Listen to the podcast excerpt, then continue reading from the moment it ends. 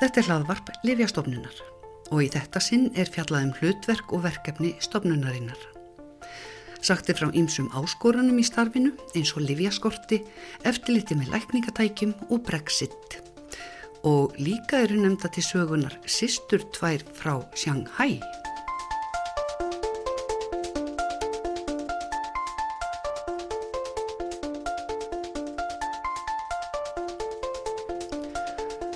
Þegar þetta hlaðvarp fyrir loftið eru nákvæmlega 19 ár frá því Livjastofnun hófstarfsemi.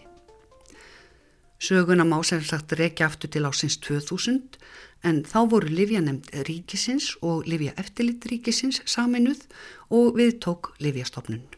Þann 1. november árið 2000. Rúna Haugstóttir Kvanberg er fórstjóri Livjastofnunar. Hver eru megin verkefnin sem að stofnunin sinnir?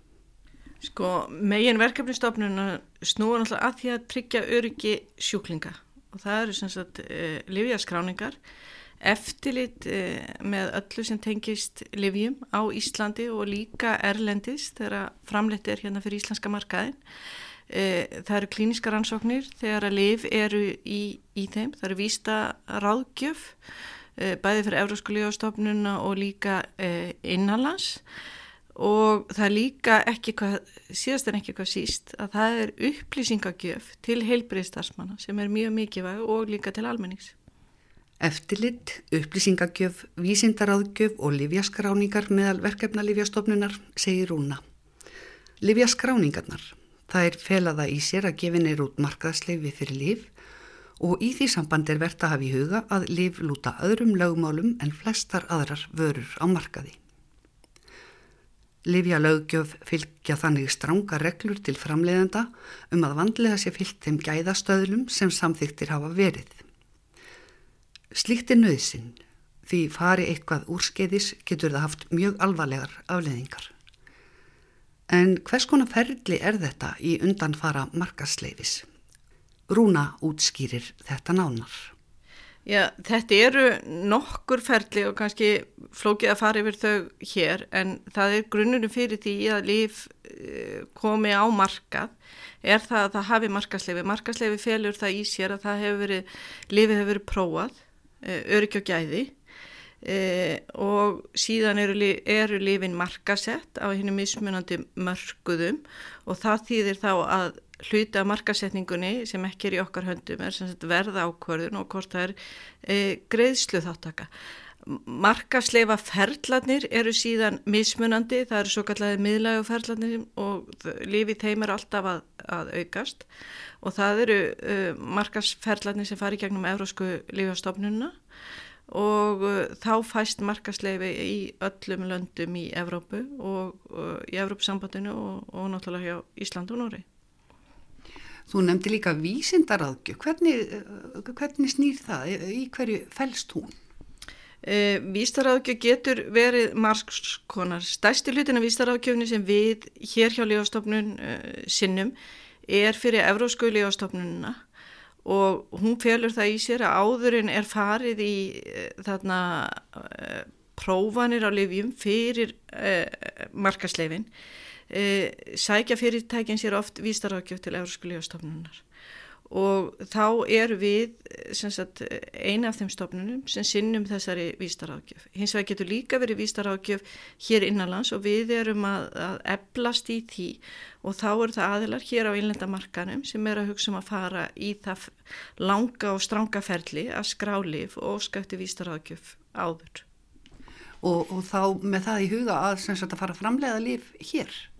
Annarkort framleiða eða, eða skrá eða fara í klíniska rannsóknir. Klíniska rannsóknir er alltaf oft uh, upphafið af þessu að þegar er óskað eftir vístarhagjöf.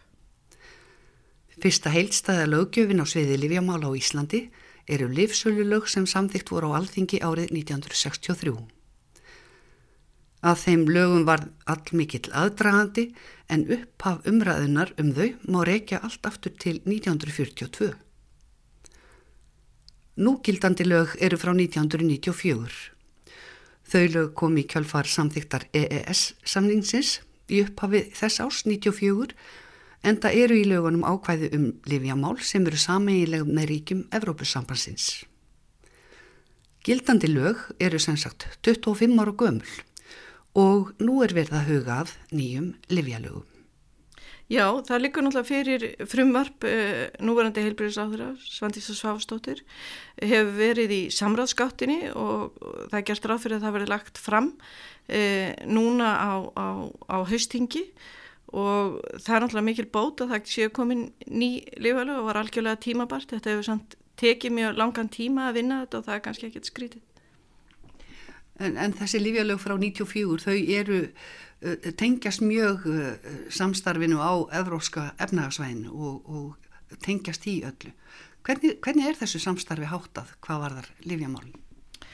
Sko, það er mjög mikið hvað var það lífjamálinn og við höfum innleitt hérna uh, nánast alla Evrópulögjöfina hvað var þar uh, lífjamálinn og við vinnum mjög náið sagt, í gegnum Evrósku lífastofnunna uh, saman svo það má segja að það hér sé algjörlega sko, Evróst uh, laga umhverju hvað var þar líf.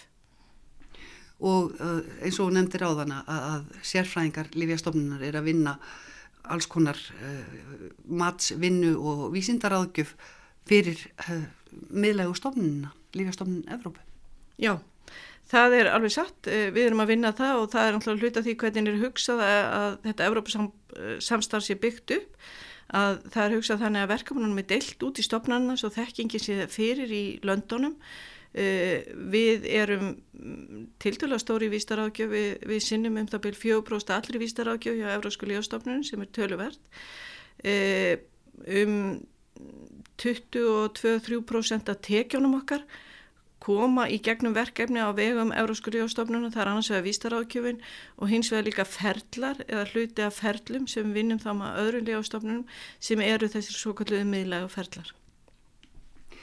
En svo er uh, líka sérstakt norrænt samstarf, svona, er það uh, svona til að þjætta hópin þessara kannski ekkert svo stóru uh, ríkja? Já, það, og það hefur aukist svolítið á undanförnum árum og maður gerir sér ekki grein fyrir því hvort að það sé einhver aðdraganda að þessu stóra brexit-máli sem við hefum nú haft til umfjöllunar í, í mjög langan tíma og sér ekki alveg fyrir endan á. Uh, en við norrannu fórstjórnarnar hefum unnið náið saman og hittustum reglulega uh, með samstarf Eh, við höfum haft mikið samstarf við eh, norrænu stofnanar, eh, við höfum fengið þar þjálfun, þau hafa líka sótt ímislegt til okkar svo að þetta samstarf hefur aukist töluvert.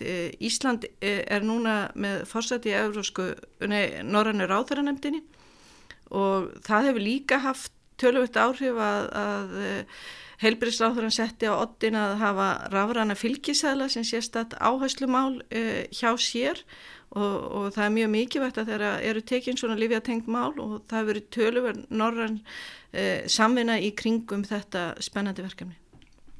Þú nefndi Brexit, það hlýtur að, að hafa verið uh, stór áskorun í ansi langan tíma. Já, þetta er búið að vera mjög mikil áskorun í langan tíma. Og hún er margskonar í fyrsta lagi er náttúrulega var fluttningur Eurósku lífastofnunar eh, frá London eh, til Amsterdam eh, fyrr á þessu ári og eh, þetta er stærsta Euróska stofnun sem flutti vegna Brexit. og þetta er um það bil á bilinu 800 manns sem þurfti að flytja og, og það mátti ekki verða neitt róf í verkefnum. Svo að e, bara fyrir fórstjóra Evrósku lífastofnuna var þetta e, mikil áskorun að fara bara að takast á við þetta verkefni og við vorum allt ínum fann að huga að, að fastegnaverði og flutningum og fólki og, og, og, og mjög yfirgrísmiklum verkefnum og hins vegar er náttúrulega hinn áskorunin sem er það að breytar hafa unnið mjög mikið e, mikla vinnu bæði skráningaferðlum og eftirliti á uh, Evróska legamarskanu þeir hafa unnið um það byl svona 23% af öllum verkefnum sem hafa farið í gegnum Evrósku legastofnuna og það er algjörlega ljóst að það verði einhverjar að taka við þeim verkefnum.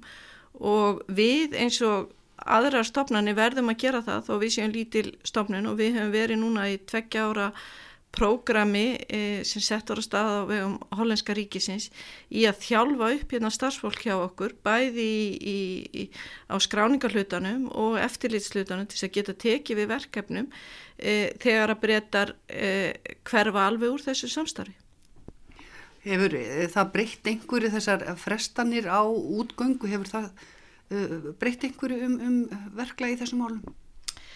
Já, Já og nei, sko Evróska liðastofnun hefur alltaf og við þá þar að leiðandi aðra stofnunum alltaf unnið þannig að þetta sé hart brexit og, og það veri gert ráð fyrir að veri farið út án samnings. Svo allar aðgerði hafa miðast við það. Þetta er svona aðeins lengt í einhverjum tímalínum um það en, en allur fluttningur og markaslegum og slíku er bara mjög langt komin og við vorum þannig sé tilbúin í mass og vorum líka tilbúin í dag. og og, og, og verðum að sjálfsögðu líka uh, tilbúin hvort sem það verður í janúar á næsta ári eða, eða hvenar en, en, en þetta er alltaf svona svolítið verið að, að taka upp sömu málin og, og fylgja eftir ímsum hlutum og við vitum náttúrulega ekki alveg nákvæmlega hver áhrifin verða nákvæmlega þegar breytanir eru hortnir úr samstarfun. Hvað með svona aðrar áskoranir í í starfinu hérna hjá Lífjastofnun, okkar íslensku Lífjastofnun. Hvað, hvað er það svona helst framöndum? Já, helstu áskoranar eru náttúrulega bara að e, tryggja öryggi sjúklinga hvað var það Lífjamál á íslenska markanum. Það hefur verið stórar áskoranar í sambandi við Lífjaskort og við hefum e, sett aukin mannabla í það. Við hefum aukið okkur upplýsingagjöf til heilbriðstarsmanna og almennings og teljum það mjög mikið vegt. Við höfum sett tölverð uh, áhrif í það þarna líka leggja áherslu á aukaverkana tilkynningar. Það er mikið vegt að fá aukaverkana tilkynningar af íslenska markanum. Uh, Stopnun hefur að fá til sín fleiri verkefni eins og ég hef rætt og þau eru flókin. Það þarf að bæta við uh, starfsfólki. Við, stopnun hefur, hefur, henni, hún hefur stakka tölverð frá því fyrir 19 árum. Uh, Lífin er að verða flóknari, uh, uh, að það þarf alltaf meiri sérfræðið þekkingu, hvað var það skráningaferðla og síðan eru bara ymsar aðrar áskonar eins og ákvaði í sambandi við fölsun Livia. Við erum nýbúin að taka við lækningatækjum sem verður mjög stór málaflokkur hérna hjá okkur og mikið vett að hún er sér vel syngt og þar eru miklar áskoranir. Þannig að það eru stór og mikil verkefni framöndan. Það er að nóg að taka hjá liðastofnun en, en okkur finnst þetta skemmtileg verkefni og við erum svo búin svo vel að búa yfir mikill þekkingu hérna innan stofnunar og við erum bara brött að takast á þetta. Eh, þú ert eh, annar forstjóri Lífjastofnunar og eh, tókst við hérna 2015 þú hafði verið tengd livjamálum í langan tíma þar og undan þegar komstinga var eitthvað sem kom þér á óvart? Já og nei, það er alltaf eitthvað í, í starfi sem kemur manni á óvart og það er kannski það sem gerir starfið mjög skemmtilegt. Þetta er, þetta er fjölbreytt starf uh, og maður veit aldrei nákvæmlega kannski hvað dagurinn uh, ber í skauti sér og það er náttúrulega líka það sem er, er mjög skemmtilegt. Kannski, það, er, það er einna helst það, maður heldur að hér sé mjög mikil uh, rútinuvinna og, og það er náttúrulega stæstum hluta til og, og, og mikið kerfi í gangi en það geta verið að koma hér upp alls konar hlutir og það kannski gerir þetta líka mjög skemmtilegt. Hver eru svona óvæntustu verkefni sem að, já, þú og Lífjastofnun hafið þurft að takast á því? Það er nú kannski erfi, erfitt að segja en við erum svona stundum að fást við svona einhver jáðarverkefni og við fengum þessa, uh, þessa, þessar sýstur hérna sem komið frá Shanghai í, í, í þarna litlu kvalina og við, þarna, við gerðum okkur ekki alveg grein fyrir því að, að þó það væri verið að flytja hérna kvali til, til Vestmanni að það klagaði mikið upp á stofnunna en e, þeim fylgdu náttúrulega sjálfsögðu dýralagnar og liv í flutningnum og við þurftum þá að koma að því mála og það var kannski svona það óvæntast sem við e, höfum verið að fást við svona nýlega en þetta eru allt, það eru, það eru mjög óvænt verkefni og sem ekki hægt að segja frá. Og, og þetta hefur allt gengið verið með mjaldra sýstunar? Já, það gekk allt mjög vel með mjaldra sýstunar og þeim, það gekk allt saman og, og, en þetta var svona, þetta var kannski eitthvað sem við heldum að væri ekki á okkar borði, reyndi síðan að vera á okkar borði og við segjum nú stundum svona, hvað, hvað getur lífastofnum gert í því og það er svona stundum að við áttum okkur ekki alveg á því að við eigum að gera eitthvað en, en, en við listum þetta mjög vel.